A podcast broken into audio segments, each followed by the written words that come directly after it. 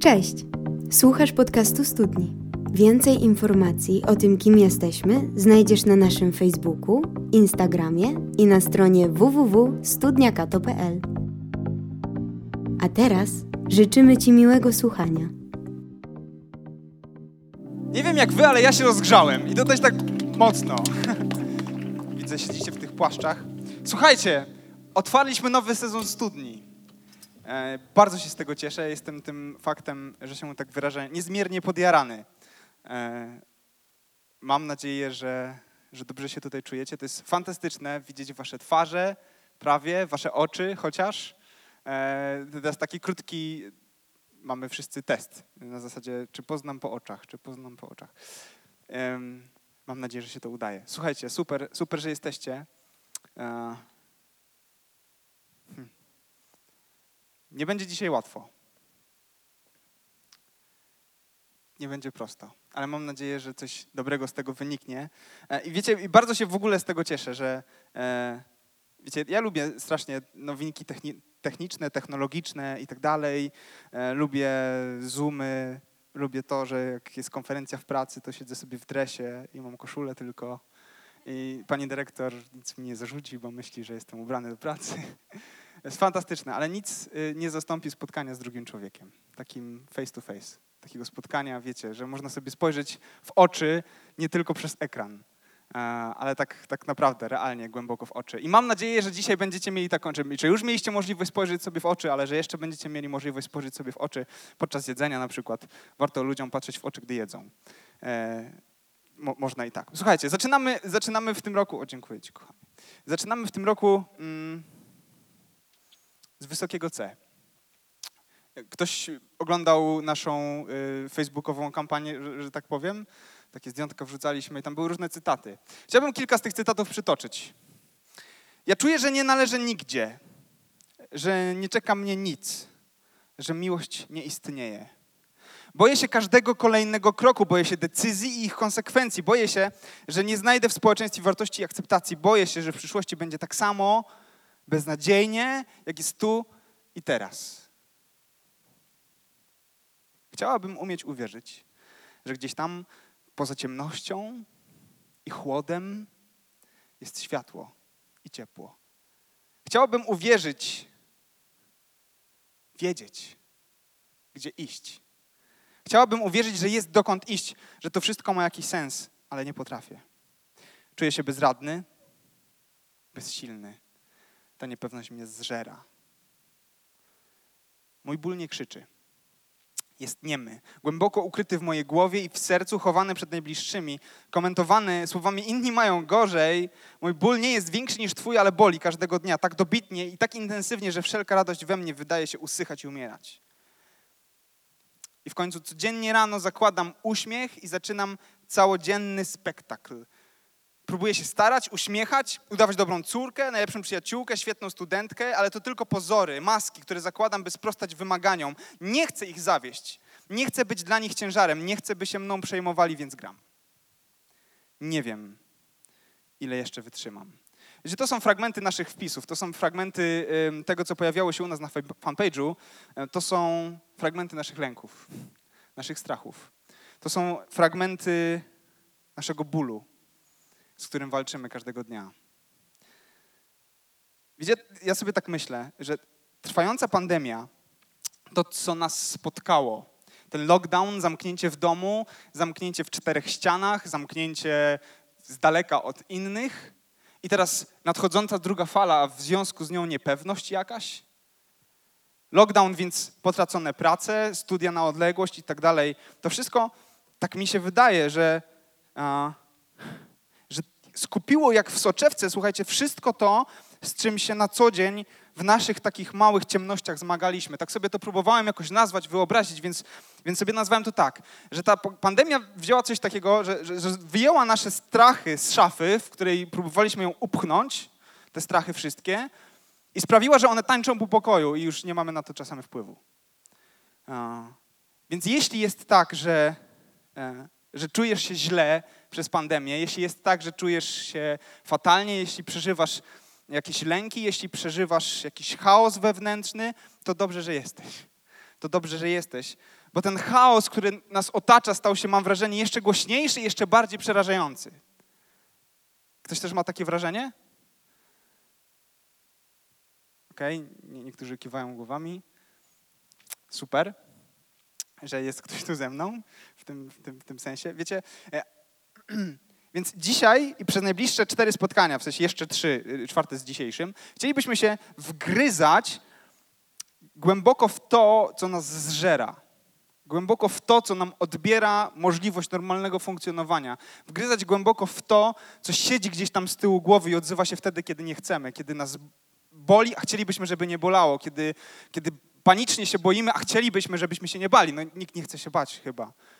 Oprócz tych momentów, w których puszczamy horrory, to wtedy chcemy. Ale chcą ci, którzy puszczają, może tak. E, e, no właśnie. Ale w takich momentach e, nie chcemy tego, co złe. Nie chcemy tego, co złe.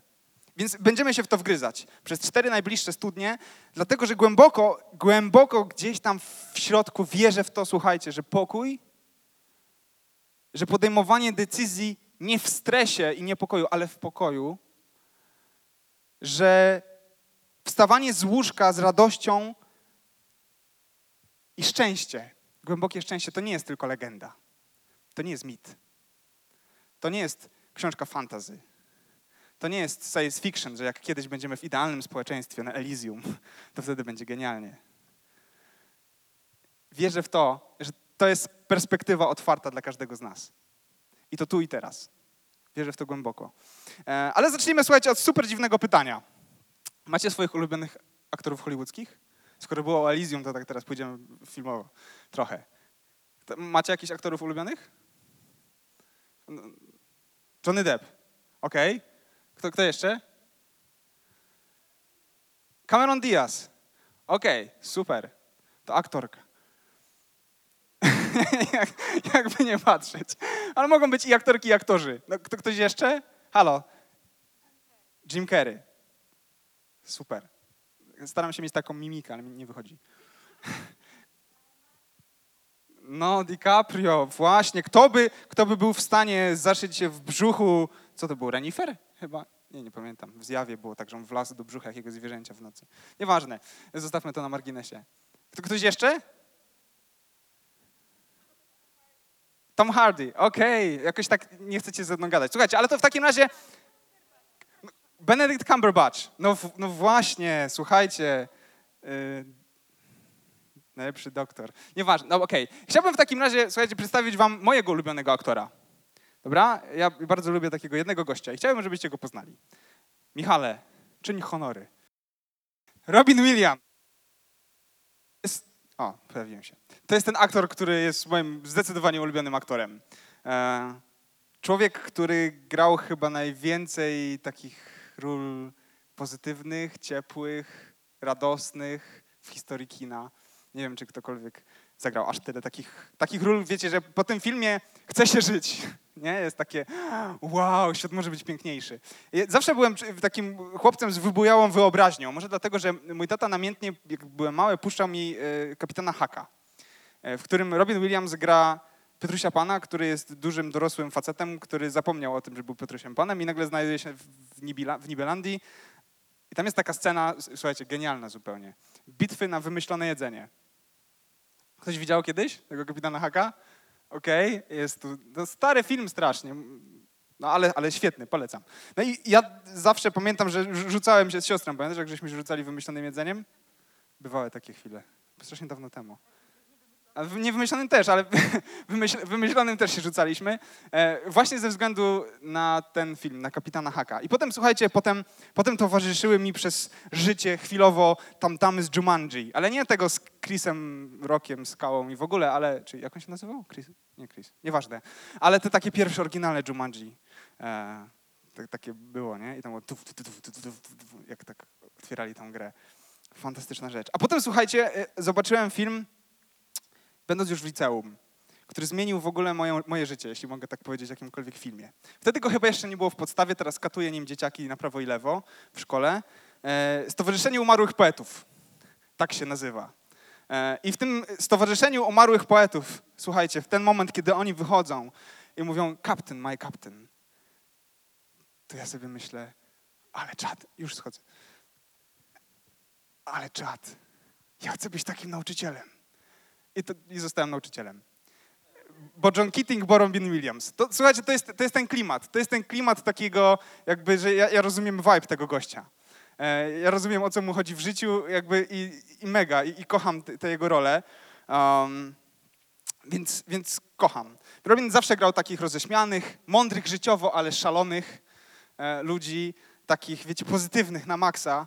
E, może dlatego, że całą swoją przygodę z kinem rozpoczynał jako mim, gdy studiował w Juilliardzie, takiej najbardziej znanej, najpopularniejszej e, szkole artystycznej w Stanach. Zaczynał jako mim, komik, występował na ulicy i większość tak go zawsze odbierała, takiego, takiego ciepłego, roześmianego, miłego człowieka, który zawsze wszystko potrafił obrócić w żart. W rzeczywistości jednak jego życie wcale nie było kolorowe. Przez lata zmagał się z alkoholizmem, uzależnieniem od narkotyków, e, stanami lękowymi i silną depresją. Potem już przy końcu jego życia w zasadzie doszedł jeszcze Parkinson, najprawdopodobniej. Okazało się potem, że może jednak nie, że był źle diagnozowany. I w jednym z wywiadów powiedział tak. To był z mojej strony wyraz skrajnego egoizmu. Bardzo się bałem. A potem pomyślałem, och, to nieco złagodzi strach. I piłem. Ale alkohol nigdy nie pomógł. Wszystko, wszystko naokoło sprawia, że trzęsę się ze strachu. Wprawia mnie to w stan ciągłego niepokoju. W 2014 roku, mając 63 lata, Robin Williams popełnił samobójstwo, wprawiając w szok opinię publiczną. Wszyscy byli w szoku. Znaczy ci, którzy znali jego życie z bliska, pewnie nie. Ale pamiętam nagłówki gazet. Robin Williams, on? Taki pozytywny, taki roześmiany, taki ciepły, taki żartowniś? Na, naprawdę on? Samobójstwo? niewiele wiedziało, niewielu wiedziało, co tak naprawdę się dzieje w jego życiu. A życie, życie go przerosło, życie okazało się zbyt trudne. I wiecie, y, tak chciałem stanąć sam przed sobą w szczerości. I nie wiem, czy wy też macie takie wrażenie, ale każdy z nas jest trochę Robinem Williamsem.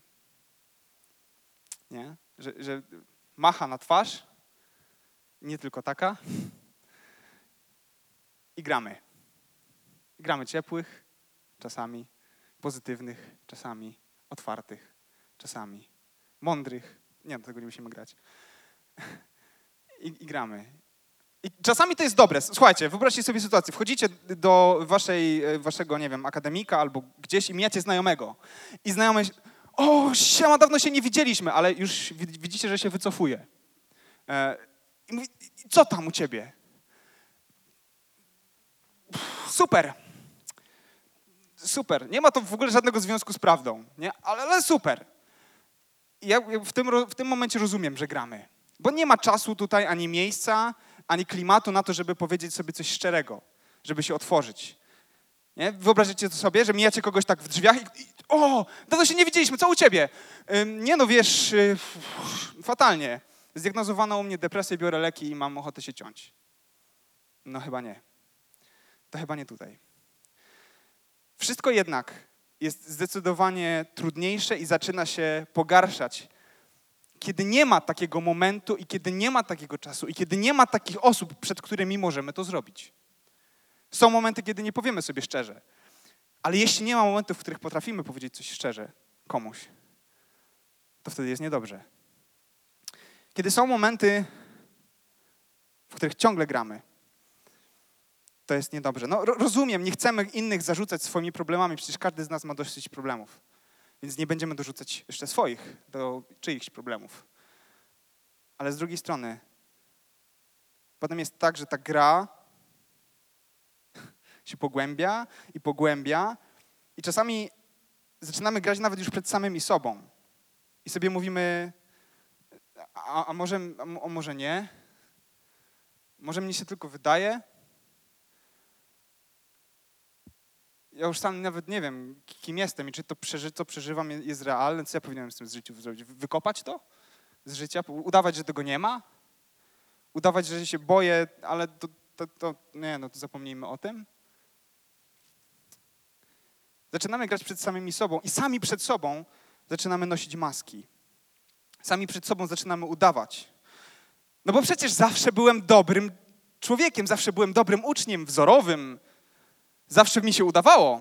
Zawsze rodzice sobie jakby stawiali mnie obok i o, patrzcie wszyscy, jaki wspaniały syn, o, jak patrzcie wszyscy, jaka wspaniała córka. I wtedy, jak się przyznam, to stracę w oczach innych. Pomyślę sobie, pomyślą sobie o mnie, że, że, że jestem zły, że jestem gorszy, że, że mnie się nie udaje, a ja przecież chcę, żeby mi się udawało, ja chcę być człowiekiem sukcesu, ja chcę zdobywać gwiazdy, ja chcę zdobywać świat, ja chcę robić karierę. A, a nie umiem, a sobie nie radzę ze swoim strachem, a nie radzę sobie z lękiem, a nie radzę sobie z depresją. Czajcie, i ta gra staje się stylem życia. Gra staje się stylem życia. A, nie powinno tak być. Nie powinno tak być. Słuchajcie, e, chciałbym teraz e, podrzucić wam pewien cytat. Cytat z książki C.S. Lewisa, e, który napisał kiedyś taką książkę Problem cierpienia.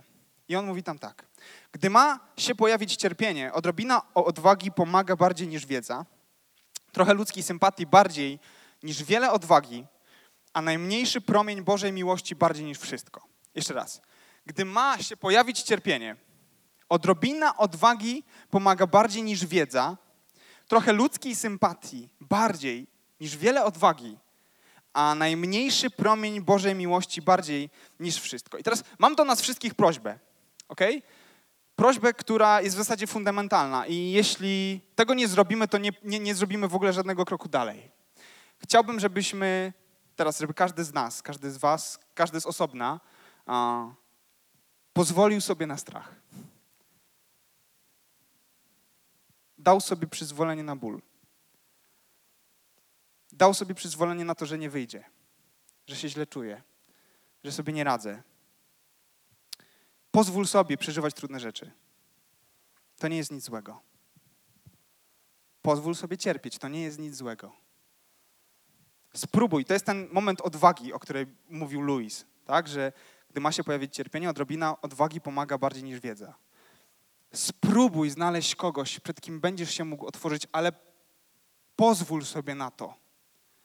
Pozwól sobie na to. Jeśli nie masz żadnego przyjaciela, bliskiego człowieka, jakiejś dobrej duszy, autorytetu jakiegoś, kogoś, przed kim naprawdę możesz się wypłakać, otworzyć swoje serce, znajdź terapeutę.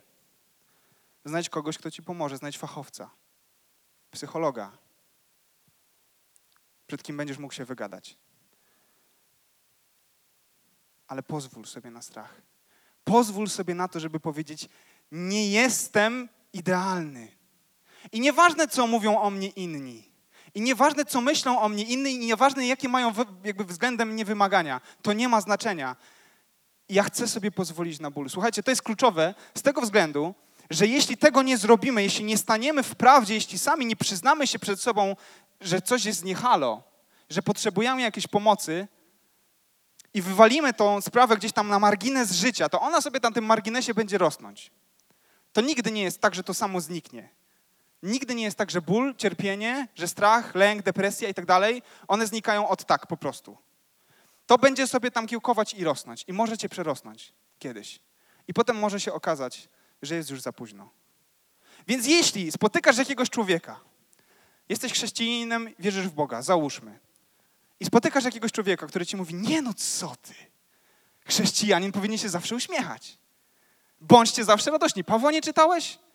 Taki człowiek był, Paweł, pisał listy i tam napisane jest, że zawsze bądźcie radośni. Nie śmiejesz się, nie jesteś chrześcijaninem. Nie możesz się nie śmiać, nie możesz być radosnym. Nie słuchaj takich ludzi. Nie słuchaj takich ludzi, bo to wcale nie jest takie proste. To wcale nie jest tak. Paweł niejednokrotnie pisze o tym, że on sam ma dość, że on sam wymięka. Jeśli ktoś ci mówi, nie no ty masz nowy smartfon, playa masz dobrego i ciśniesz w FIFA po 20 godzin dziennie. Masz wszystko, czego chcesz. Dzieci w Afryce umierają, one cierpią, one mogą, ale ty nie w, w głowie wam się poprzewracało, ta współczesna młodzież. Nie słuchaj takich ludzi, błagam. Owszem, są ludzie, którzy cierpią w różnych częściach świata w tragiczny sposób i mają się materialnie, fizycznie gorzej niż my. To prawda. Ale cierpienie innych osób nie sprawia, że Twoje cierpienie jest mniej realne.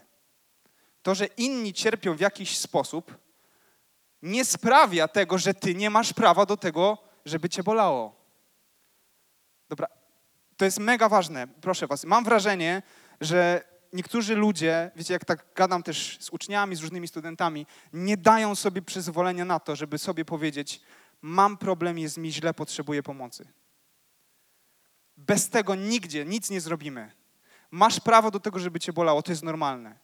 Masz prawo do tego, żeby nie dawać rady, to jest normalne. Masz prawo do tego, żeby być chorym na depresję. Jeśli jesteś chory na depresję, nie jesteś gorszym człowiekiem. Nie jesteś jakimś, z jakiejś podkategorii ludzi. Nie. Jesteś normalnym człowiekiem, w pełni wartościowym. Masz prawo do tego, żeby cię bolało. Czyli to jest ten, ten pierwszy etap, to jest ta, ta pierwsza rzecz, czyli e, ta odwaga, e, o której mówimy. Um, pamiętam kiedyś na maturze była taka fraszka Staudengera i wszyscy mieli problem, bo tam zinterpretuj ją jak, jak coś takiego. I było, życie mnie, mnie. Ktoś tu pisał wtedy maturę? Było coś takiego. Nieważne. Ale życie mnie, mnie. To właśnie tak sobie myślałem, że to idealnie pasuje do, do tego, że jest mi źle. Życie mnie, mnie. A to taki polonistyczny trend. E, słuchajcie, pozwól sobie na ból, ale uwaga. Wiedz, życie, życie mnie, mnie. Czyli jakby, nieważne. No, mnie, mnie, w sensie takim, że jest mi źle, bo mnie z, zgniata. O, świetnie. Dzięki Magda. Zgniata mnie życie. Pozwól sobie na ból, ale wiedz, że nie musisz przez ten ból przechodzić sam. Pozwól sobie na ból, daj sobie przyzwolenie na to, żeby cię bolało, ale wiedz, że gdy płaczesz i krzyczysz w pokoju, będąc samemu, to jest ktoś, kto chce być obok ciebie. Ktoś, kto chce ci pomóc. Kto chce wziąć twoje lęki, strachy na swoje ręce i chce cię przez to przeprowadzić. Kiedy jest ci źle, jest ktoś, kto chce ci pomóc, dokładnie tak, jak pomógł pewnej kobiecie. Słuchajcie, teraz nurkujemy do Biblii. Ewangelia Łukasza. Tam jest fantastyczna historia, słuchajcie. Ewangelia Łukasza, e, siódmy rozdział. Słuchajcie, to jest y, zaraz po tym, jak Jezus wygłosił jedno z najbardziej znanych kazań Chrystusa w historii. Nawet jeśli nie jesteś chrześcijaninem, nawet jeśli w ogóle nie znasz Biblii, to bardzo być może, że coś z tego, choćby na języku polskim, do ciebie dotarło. On tam wypowiada takie słowa, że błogosławieni, którzy są ciś i tak dalej, i tak dalej. Mówi, wy jesteś światością świata. Jakby cały świat, mam wrażenie, kojarzy te słowa. One stały się takie kanoniczne. Ale one nie są kanoniczne tylko tu i teraz. One były też kanoniczne kiedyś. W sensie takim, że Jezus zrobił furorę wtedy. On chodził, słuchajcie, od, od wsi do wsi, od miasta do miasta, mówił różne rzeczy. Kiedy on wygłaszał te słowa na, na, na górze, bo to się nazywa kazanie na górze, to wtedy mnóstwo ludzi, nawet kilka tysięcy ludzi słuchało Jezusa. I oni chodzili za Jezusem i sobie myśleli, wow, ale czadowy człowiek. Obwołajmy go królem. Wiecie, i mamy tutaj do czynienia z taką historią, zaraz będziemy ją czytać. Idzie tłum za Jezusem. Idzie tłum ludzi, którzy są rozemocjonowani tym, kim jest Jezus. Są rozemocjonowani Jego cudami, są rozemocjonowani tym wszystkim, co się wiąże z Jezusem, tym, co za Nim idzie, Jego sławą, Jego jakimiś takimi wielkimi słowami. Wszyscy się dziwią, o co w ogóle chodzi z tym gościem. I, I dochodzimy do takiego momentu. Słuchajcie. Potem Jezus wyruszył do miasta o nazwie Nain. Szli z nim jego uczniowie oraz wielki tłum. Gdy zbliżali się do bramy miejskiej, właśnie wynoszono zmarłego. Był nim jedyny syn pewnej kobiety, która była wdową. Towarzyszyło jej wielu mieszkańców miasta. Wzruszony tym widokiem, Pan zwrócił się do niej. Przestań płakać. Następnie podszedł i dotknął mar. Ci zaś, którzy jej nieśli, stanęli i polecił chłopcze. Mówię ci, wstanie. Wtedy zmarły usiadł i przemówił, a Jezus oddał go matce. Wszystkich natomiast ogarnął strach i zaczęli chwalić Boga Wielki prorok pojawił się wśród nas, powtarzali. Bóg przybył do swojego ludu i rozeszła się ta wieść po całej Judei i wszystkich sąsiednich okolicach. Więc mamy dwa tłumy, słuchajcie. I idzie ten tłum za Jezusem, taki rozemocjonowany, taki wow, ale czad, mamy Jezusa, ale On jest świetny. I nagle ten tłum zderza się z innym tłumem, któremu wcale do śmiechu nie jest. On jest kompletnie inny, w innym klimacie. Idą żałobnicy, idzie matka, która odprowadza swojego ostatniego, czy nie wiem, czy ostatniego, jedynego syna na cmentarz. Idzie z nią wielu mieszkańców miasta. Chcą towarzyszyć jej w tym momencie cierpienia i bólu. I, i żeby była jasność, słuchajcie, e, to były trochę inne czasy niż teraz. Kiedyś utrata męża, kobieta ta była wdową, skazywało ją na życie trochę na marginesie społeczeństwa. W sensie w Izraelu istniał system wsparcia wdów, ale to nie było tak, że wiecie, teraz kobieta może sobie zrobić karierę, dbać sama o własne utrzymanie, być za, jakby zależna tylko od siebie i, i radzić sobie. Wtedy tak nie było. To nie było takie proste. Ona straciła wcześniej jedne, swojego męża, a teraz traciła jedynego swojego syna. Kogoś, kto był pewnie dla niej nadzieją. Kogoś, kto mógł zabezpieczyć jej przyszłość. To jest trochę tak, jak wiecie, jakby nie było ZUS-u. E, ona odprowadzała swoją materialną przyszłość właśnie na cmentarz wraz ze swoim synem. Zostawmy ZUS na boku, to jest zły przykład. E, odprowadzała swoją materialną e, przyszłość. Ale słuchajcie, to w zasadzie nie ma znaczenia. Bo to nie była jej polisa ubezpieczeniowa, tylko jej syn. Pewnie jej ukochany syn. Nie wiem, czy myślała wtedy o swojej przyszłości, która rysowała się zapewne w nieciekawych barwach. Może po prostu myślała o tym, że Boże, co tu się dzieje w ogóle? Pamiętam, słuchajcie, byłem w podstawówce i w klasie równoległej były dwie dziewczyny. Poszły się kąpać nad jezioro. Był zakaz pływania w ogóle w tym jeziorze, ale jedna stwierdziła, że popływa. Wskoczyła do wody i zaczęła się topić. Wtedy druga jej koleżanka wskoczyła, żeby jej pomóc. Ta pierwsza nie umiała pływać niestety. I w przypływie paniki zaczęła jakby wdrapywać się po tej, która wskoczyła jej na pomoc, wiecie, do góry, żeby za, za, zaciągnąć powietrze. I przeżyła. Niestety jej koleżanka, no i moja koleżanka nie. E, pamiętam, płetwonurkowie długo szukali ciała w mule, E, tego jeziora. W końcu ją wyłowiono. Byłem jedną z osób, która była wydelegowana ze szkoły na, na pogrzeb. I słuchajcie, nigdy w życiu nie zapomnę widoku mamy tej dziewczyny. Kobieta była tak złamana, że nie była w stanie stać. Podtrzymywało ją dwóch gości z prawej i z lewej. Ona nie była w stanie nawet iść. Jej twarz była czerwona i napuchnięta od płaczu.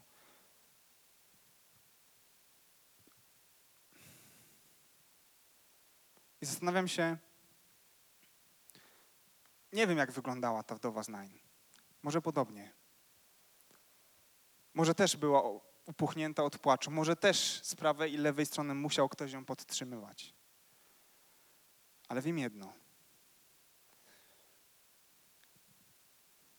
Wiem, że Jezus, wzruszony tym widokiem, zrobił coś. I słuchajcie, to jest w ogóle fantastyczna historia. Um, tutaj to słowo, które jest użyte, by opisać emocje Jezusa, e, esplagianiste. Oznacza to jakby być pełnym współczucia. Teraz jak odetniemy to być pełnym, to zostanie nam słowo splagna. E, I to jest strasznie dziwne greckie słowo, dlatego że ono w takim dosłownym tłumaczeniu znaczy flaki, wnętrzności. Ale tłumaczy się to nawet właśnie w kontekście takim, że, flaki. E, dziwne słowo jak na opisanie współczucia. Co nie? Wnętrzności. Co mają wnętrzności do współczucia? A no mniej więcej to, jeden z takich fajnych pastorów amerykańskich, Craig Groeschel to fajnie opisał, że to słowo, słuchajcie, ono ma takie znaczenie, ono służy do opisu tego momentu, kiedy pojawia się w tobie taka empatia, i takie wzruszenie, jakby to było gdzieś tam ze środka. I on mówi tak, że, że można to porównać do sytuacji, kiedy czujesz takie, takie rozdzierające uczucie wtedy, gdy dzieje się coś bardzo złego twoim bliskim. Mam nadzieję, że nie, nigdy w życiu czegoś takiego nie czuliście takie jakieś takie skrajne uczucie, wiecie, że ono jest na granicy fizjonomii trochę, nie? że ono się tak bierze tak, tak ze środka i jakby rozrywało człowieka. I to jest to słowo, to jest to słowo splagna, więc to, to nie jest tak, słuchajcie, że Jezus spojrzał na nią i, i czuł jakieś tam politowanie. Że no, tam mu się łezka w oku zakręciła. Nie, to było takie głębokie, takie wiecie, strzewi ze środka. Takie rozdzierające współczucie. E, właśnie niektóre, niektóre przykłady mówią, że ulitował się nad nią, ale to nie chodzi, że się po prostu ulitował. On poczuł taki głęboki ból wtedy, kiedy zobaczył tą kobietę. To słowo pojawia się też wtedy, kiedy e, w przypowieści, którą Jezus mówi, wtedy, kiedy ojciec widzi swojego marnotrawnego syna nadchodzącego z daleka.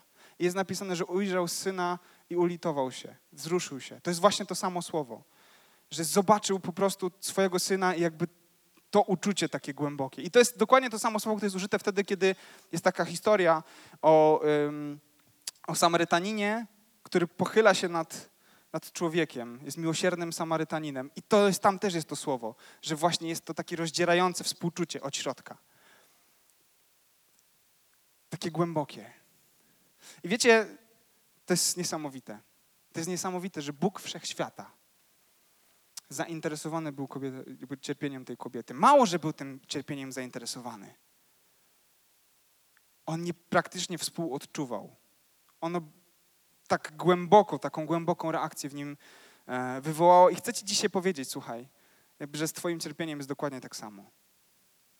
Wierzę w to bardzo mocno, że twoje cierpienie nie jest Bogu obojętne, tak jak nie było obojętne Bogu cierpienie wdowy z Nain. W psalmie 34 są napisane takie słowa, że bliski jest Pan tym, których serce jest złamane. Bliski jest Pan tym, których serce jest złamane. Fantastyczne słowo. Kiedy nasze serce jest złamane, kiedy czujemy ból, niezależnie od tego, z jakiego powodu, czy to jest choroba fizyczna, psychiczna, czy to jest strach, czy to jest lęk, wtedy, kiedy czujemy ból, to Pan, Bóg jest tym bólem Twoim zainteresowany. W liście do Hebrajczyków są napisane takie słowa. Może je przytam, żeby, żeby tego nie, przekręcić, nie przekręcić. Nie mamy arcykapłana, który by nie mógł nam współczuć, gdy przeżywamy słabości, ale doświadczonego we wszystkim, podobnie jak my, z wyjątkiem grzechu. To jest o Jezusie. Z tym arcykapłanem chodzi o to, że jest jakby pośrednikiem między Bogiem a człowiekiem. Tak? Więc mamy Jezusa, dzięki Mati, który jest e, pośrednikiem między Bogiem a człowiekiem. I słuchajcie, ten Jezus, ten Bóg, nie mógł, czy nie jest tak, że On nie może nam współczuć, gdy przeżywamy słabości, ale właśnie On to robi, bo sam przez nie przeszedł. Sam przez nie przeszedł.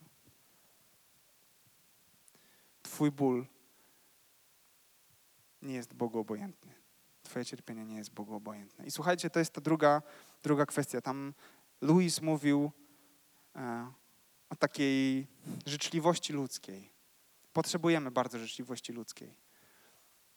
Ale możemy mieć jeszcze coś więcej. Możemy mieć życzliwość Boga. Kiedy przeżywasz trudności, kiedy jest ci źle, kiedy jesteś słaby, Bóg jest tobie życzliwy. Jego serce jest złamane wtedy, kiedy Twoje serce jest złamane. Słuchajcie, ale ta historia się na tym nie kończy. To nie jest tak, że Jezus odczuł tylko to uczucie takiego bólu i złamania. To nie jest koniec tej historii. Dlatego, że dalej dzieją się fantastyczne rzeczy.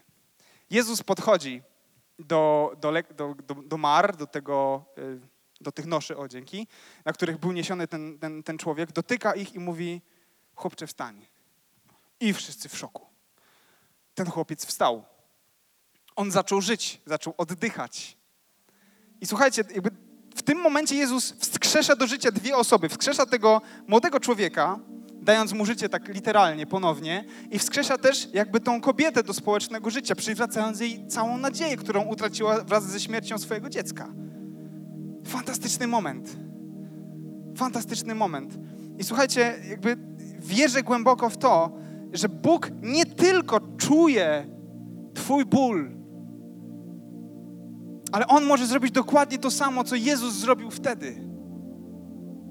Kiedy Twoje serce jest złamane, kiedy coś w Tobie umarło, kiedy z jakichś powodów, może jesteś poraniony i nie potrafisz zaufać innym ludziom, bo, bo Cię przeorali po prostu.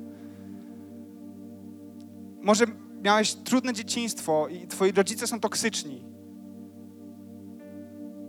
i masz z tym problem. On chce, jeśli w tobie coś umarło, on może dotknąć tego miejsca i wskrzesić je na nowo. On może wskrzesić umiejętność zawierania znajomości międzyludzkich.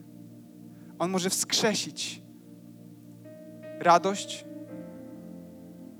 poczucie pokoju. A jeśli nigdy go nie miałeś, to on po prostu może ci je dać.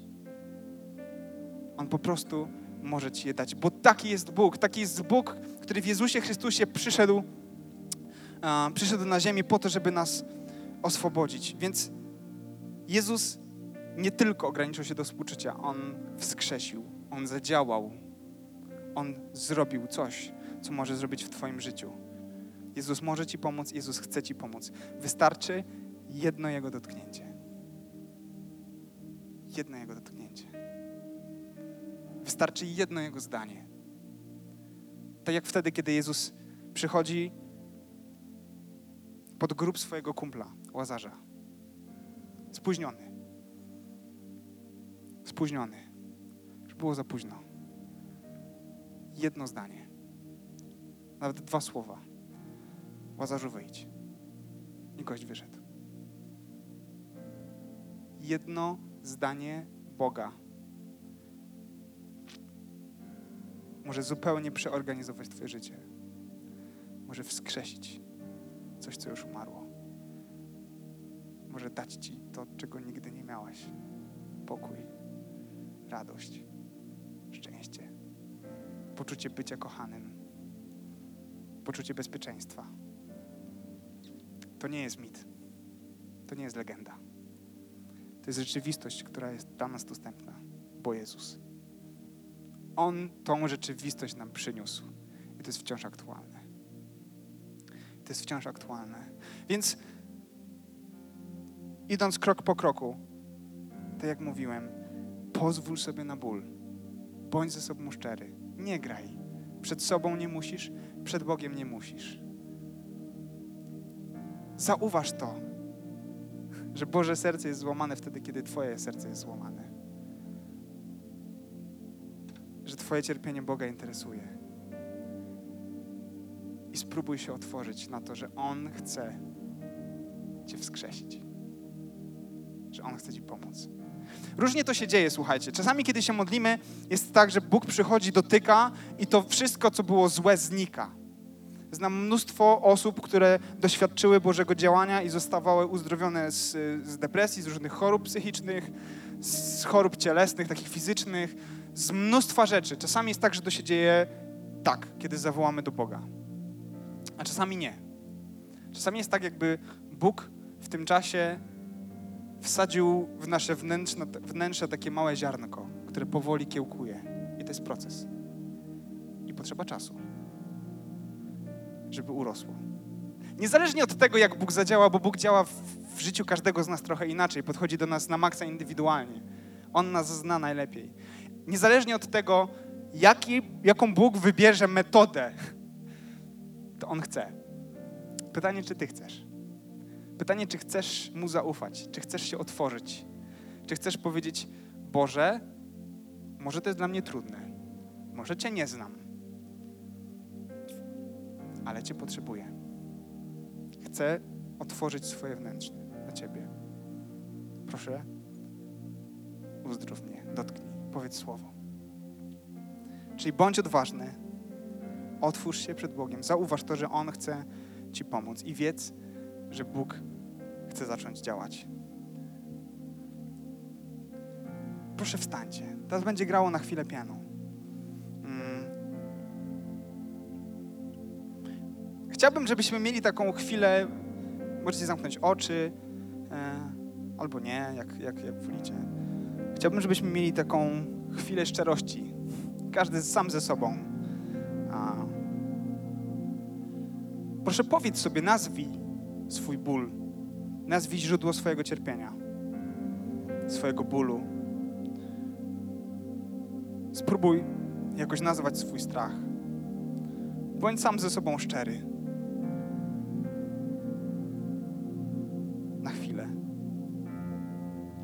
Może być tak, że źródłem Twojego strachu, bólu, lęku, cierpienia jest Twój grzech. Grzech to jest rozminięcie się z tym, co Bóg pragnie, czego Bóg pragnie dla nas. To jest chybienie celu. To jest ten moment, kiedy wybieramy coś, co jest dla nas złe, kiedy Bóg chce nam dać coś, co jest dobre. I pakujemy się w różne złe rzeczy.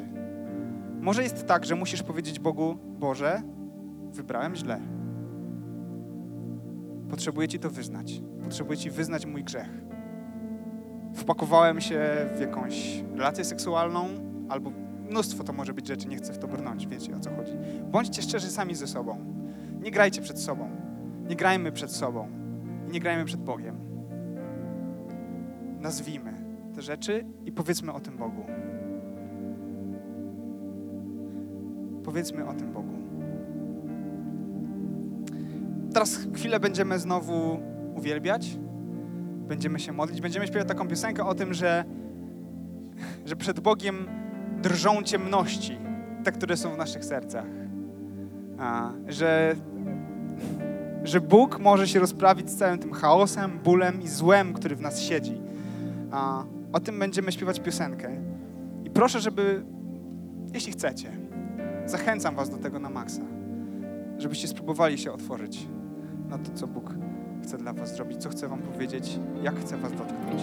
Niech to będzie Twój czas. A może jest tak, że ten Bóg, o którym tyle dzisiaj mówiliśmy, do którego śpiewaliśmy, z którym nawiązywaliśmy relacje, z którym rozmawialiśmy, jest Ci kompletnie obcy i nieznany. Wierzymy głęboko w to, że Jezus Chrystus jest Synem Boga, który przyszedł na ziemię po to, żeby nas, którzy nawalamy, którzy jesteśmy grzeszni, którym nie wychodzi, żeby nas podnieść, żeby dać nam życie, żeby nas zbawić, żebyśmy nie musieli źle wybierać, ale żebyśmy mogli wybierać dobrze, żeby zmienić nasze położenie. Wierzymy w takiego Boga, który przyszedł po to i umarł na krzyżu po to, żebyśmy my mogli żyć, żeby dać nam wieczne życie. W takiego Boga wierzymy, o takim Bogu chcemy mówić. E, Jeśli taki Bóg Ci jest nieznany, a chciałbyś Go poznać, a chciałbyś coś więcej od Niego, a chciałbyś Mu zaufać, to chciałbym, żebyś się teraz ze mną chwilę pomodlił. A kiedy się pomodlisz ze mną chwilę, proszę znajdź kogoś, z kim będziesz mógł też o tym pogadać. Może to być ktoś z nas, tutaj z przodu, może to być jakiś Twój przyjaciel na przykład, który zna takiego Boga, o którym tutaj mówimy, ale jeśli chciałbyś spróbować życia z Bogiem, z Jezusem Chrystusem, to proszę pomóc się teraz razem ze mną. Panie Jezu, może mi w życiu coś nie wychodzi, może jest źle, jestem grzesznym człowiekiem, ale otwieram się na to, że Ty umarłeś na krzyżu za moje grzechy. Ty umarłeś dla mojego zbawienia. Proszę, weź moje życie, zamieszkaj we mnie, w moim wnętrzu i poprowadź mnie w stronę tych rzeczy, których Ty masz dla mnie, w stronę zbawienia. Chcę zwrócić się w Twoją stronę, Jezu. Chcę iść za Tobą. Chcę podjąć decyzję, by Ci zaufać. Amen. To nie jest jakaś magiczna formułka, która zmieni Twoje życie, ale to może być pierwszy krok do tego, żeby wyruszyć za Bogiem, żeby szukać tego Boga, o którym tu mówimy, żeby wyruszyć w tę podróż, niesamowitą podróż do spotkania z Bogiem. Mam nadzieję, że tak.